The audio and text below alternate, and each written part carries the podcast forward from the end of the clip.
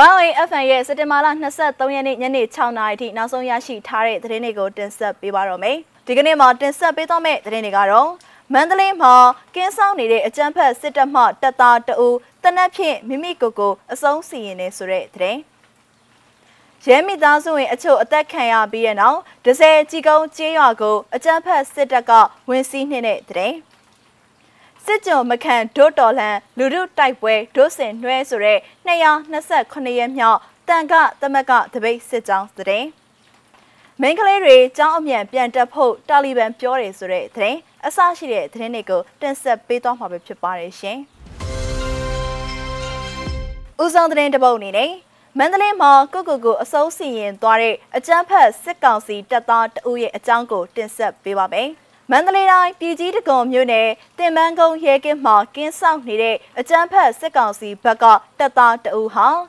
ဒီကနေ့မှာတနက်နေ့မိမိကိုယ်ကိုပြစ်တက်ပြီးအဆုံးစီရင်သွားပါတယ်။ပြည်ကြီးတကုံမြို့နယ်120လမ်းနဲ့122လမ်းကြား50လမ်းမှာအကြမ်းဖက်စစ်တပ်ဘက်ကတပ်သားတအူဖြစ်သူဦးစိန်တန်းဟာသူကန်ဆောင်ထားတဲ့ MA တက်တင်အမျိုးအစားတနက်နဲ့ညာဘက်နှစ်ထင်ကိုတိတ်ပစ်ပြီးအဆုံးစီရင်သွားခဲ့တာပါ။ လက်ရှိအချိန်မှာတော့ရဲစခန်းမှာတေမှုတေကင်းဖွင့်ထားပြီးဖြစ်တယ်လို့ရဲမှုခင်းမှတ်တမ်းကနေတဆင့်သိရပါတယ်။အလောင်းကိုတော့တည်သွားပြီးစစ်တာဆေးတာတော့မရှိပါဘူး။အိမ်နားလေးမှာရက်ွက်ယုံရှိတယ်။ရဲကင်းလည်းရှိတယ်။အဲ့ဒါကိုစောင့်တဲ့စစ်သားကတပ်သိသွားခဲ့တာပါလို့မန္တလေးဒေသခံတအူးကပြောပါတယ်။ အကြမ်းဖက်စစ်တပ်လက်အောက်ခံတပ်သားတွေနဲ့ရဲတပ်ဖွဲ့ဝင်တွေဟာလက်ရှိအချိန်မှာနေ့စဉ်တိုက်ခိုက်ခံနေရပြီးတေဆုံးသူတွေကလည်းတနေ့တခြားတိုးနေတာကြောင့်ထပ်ပြေးတာတွေပြည်သူလူထုနဲ့ပူးပေါင်းတာတွေသာမကဘဲနဲ့မိမိကိုယ်ကိုအဆုံးစီရင်တာတွေကိုပါတွေ့မြင်လာရတာပဲဖြစ်ပါတယ်ရှင်။ဆက်လက်ပြီးရဲမိသားစုဝင်တချို့အသက်ခံရပြီးတဲ့နောက်ဒဇယ်ကြီးကုန်းကျေးရွာကိုအကြမ်းဖက်စစ်တပ်ကဝင်စီးနှင်းတဲ့သတင်းကိုတင်ဆက်ပေးပါမယ်။ စကိုင်းတိုင်းဒဇယ်မြို့နယ်ကြီးကုန်းကျေးရွာမှာရဲမိသားစုဝင်အချို့အသက်ခံရပြီးတဲ့နောက်ဒီကနေ့စက်တင်ဘာလ23ရက်နေ့မှာအကြမ်းဖက်စစ်တပ်ကကျေးရွာကိုဝင်ရောက်စီးနင်းပြီးမိရှုဖျက်ဆီးလျက်ရှီချောင်းကို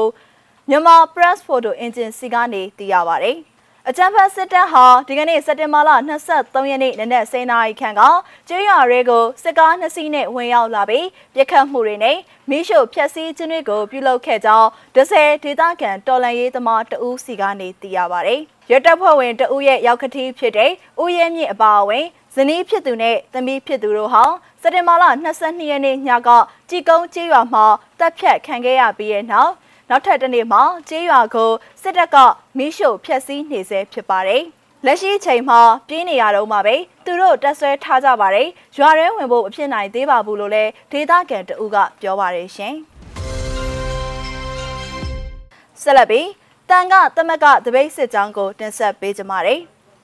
စစ်ကြုံမခံဒို့တော်လန်လူထုတိုက်ပွဲဒို့စင်နှွဲဆိုတဲ့228ရက်မြောက်တန်ကသမက်ကတပိတ်စစ်ကြောင်းကိုဒီကနေ့စက်တင်ဘာလ23ရက်နေ့ကခြိတက်ဆန္ဒထုတ်ဖော်ခဲ့ကြပါတယ်။ချီတက်ဆန္ဒထုတ်ဖော်ခဲ့ကြတဲ့ပုံရိပ်များကိုလည်းရုပ်သံဖိုင်မှာရှုစားပေးကြပါအောင်ရှင်။လူသားတမစစ်ကောင်စီလုံးရှိလုံးရှိသွေးဆောင်တဲ့စစ်ကောင်စီလုံးရှိလုံးရှိအချမ်းတဲ့စစ်ကောင်စီလုံးရှိလုံးရှိတော့ပိုက်တော့ပိုက်ဟောဟောတော့ပိုက်တော့ပိုက်ဟောဟောဆန္ဒဆန္ဒရရဆန္ဒဆန္ဒရရအစတော်မအောင်ရမည်ဆန္ဒမအောင်ရမည်ဖတ်တဲ့စစ်တဲ့အမြင့်ပြဖတ်တဲ့စစ်တဲ့အမြင့်ပြဖတ်တဲ့စစ်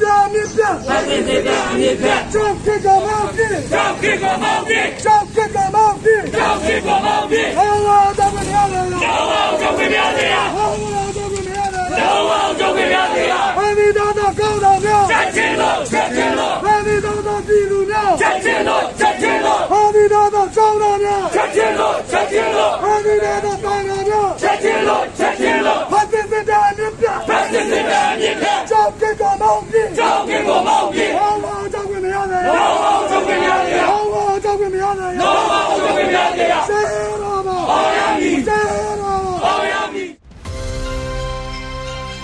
နိုင်ငံတကာသတင်းပတ်မှာတော့မိန်းကလေးတွေကြောင်းအမြန်ပြန်တက်ဖို့တာလီဘန်ပြောတယ်ဆိုတဲ့သတင်းကိုတင်ဆက်ပေးကြပါမယ်။သတင်းအပြည့်အစုံကိုတော့ရုပ်သံဖိုင်မှာဆက်လက်ရှုစားပေးပါအောင်ရှင်။အမျိုးသမီးနဲ့မိန်းကလေးတွေကို ပညာသင်ခွင့်နဲ့အလုပ်လုပ်ခွင့်တွေကနေတိတိတသားဖယ်ထုတ်နေတဲ့၎င်းတို့လုပ်ရက်အပေါ်နိုင်ငံတကာရဲ့အမျက်ဒေါသနဲ့ရင်ဆိုင်လာရချိန်မှာအာဖဂန်မိန်းကလေးတွေကိုအမြန်ဆုံးကြောင်းပြန်တက်ခွင့်ပြုမယ်လို့စက်တင်ဘာလ22ရက်အင်္ဂါနေ့မှာတာလီဘန်ကကြေညာလိုက်ပြန်ပါတယ်။တပြိုင်နက်တည်းမှာပဲကဘာကြီးကိုတုံလှုပ်သွားစေတဲ့၎င်းတို့ရဲ့ကဘူးကိုသိမ့်ပိုက်မှုအပြီးသတင်းပတ်အနှဲငယ်အကြာကဖွဲ့စည်းလိုက်တဲ့ကြားတီးတဲ့အစိုးရရဲ့ကြံနေတဲ့အဖွဲ့ဝင်တွေကိုသဘောထားတင်းမာသူတွေရဲ့ပြောခွင့်ရက ကြေညာသွားပါတယ်1996ခုနှစ်ကနေ2000ခုနှစ်အကြာတာလီဘန်တွေရဲ့နာမည်ဆိုးနဲ့ကြော်ကြားတဲ့ဖိနှိပ်အုပ်ချုပ်မှုကာလအတွင်းမှာအမျိုးသမီးတွေအနေနဲ့အမျိုးသားအဖို့မပါဘဲအိမ်အပြင်မထွက်ရကန့်သက်ချက်အပါအဝင်ပညာသင်ခွင့်နဲ့အလုပ်လုပ်ကင်ခွင့်တွေကိုပါပိတ်ပင်ခံခဲ့ရပါတယ်။အာနာသိန်းယူပြီး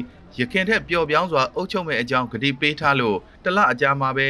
တာလီဘန်ဟာအာဖဂန်ရဲ့လွတ်လပ်ခွင့်တွေကိုတတိတိရုပ်သိမ်းလာခဲ့ပါတယ်။ အမျိုးသမီးနဲ့မိန်းကလေးတွေပညာသင်နိုင်ဖို့နဲ့အလုပ်လုပ်နိုင်ဖို့အတွက်ဆက်လက်ဆောင်ရွက်နေပါတယ်လို့တာလီဘန်ပြောခွင့်ရဇာဘီဟူလာမူဂျာဟစ်ကသတင်းစာရှင်းလင်းပွဲတစ်ခုမှာကြေညာလိုက်ပြီးကျောင်းတွေကိုအမြန်ဆုံးပြန်ဖွင့်သွားမယ်အကြောင်းဘယ်နေ့ဘယ်ချိန်တတ်မှတ်ချက်မပါဘဲပြောဆိုသွားခဲ့ပါတယ် ما فعلا هستم و کشور خود و میخوایم که مبارزه کنم به خاطر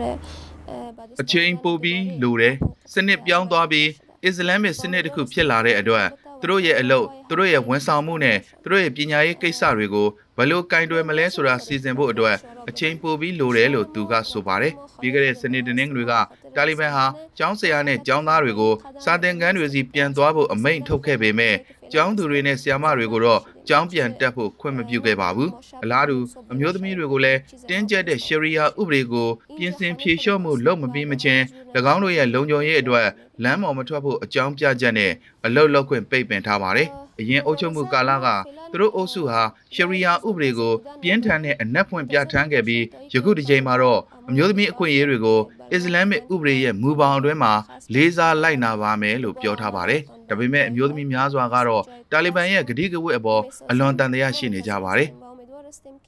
چه فکر نکنیم بلکه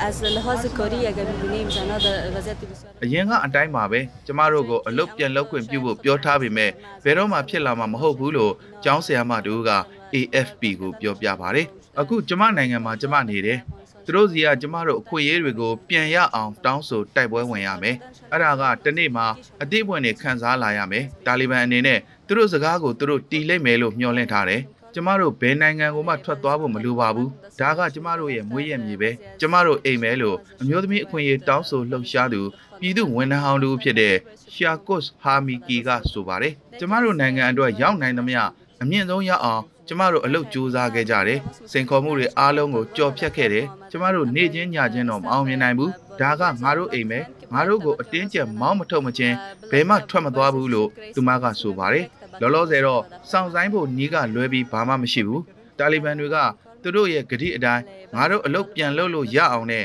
ပညာသင်ခွင့်ရအောင်ဥပဒေကိုပြင်ဆင်မလားဆိုတာစောင့်ကြည့်ရမှာပဲ။သူတို့လုပ်မယ်လို့မျှော်လင့်ပါတယ်လို့သူမကဆိုပါတယ်။ 1AFN ရဲ့စက်တင်ဘာလ23ရက်နေ့ညနေ6နာရီထိနောက်ဆုံးရရှိထားတဲ့သတင်းတွေကိုတင်ဆက်ပေးခဲ့တာပါ။နားဆင်ပေးခဲ့တဲ့အတွက်ကျေးဇူးတင်ပါတယ်ရှင်။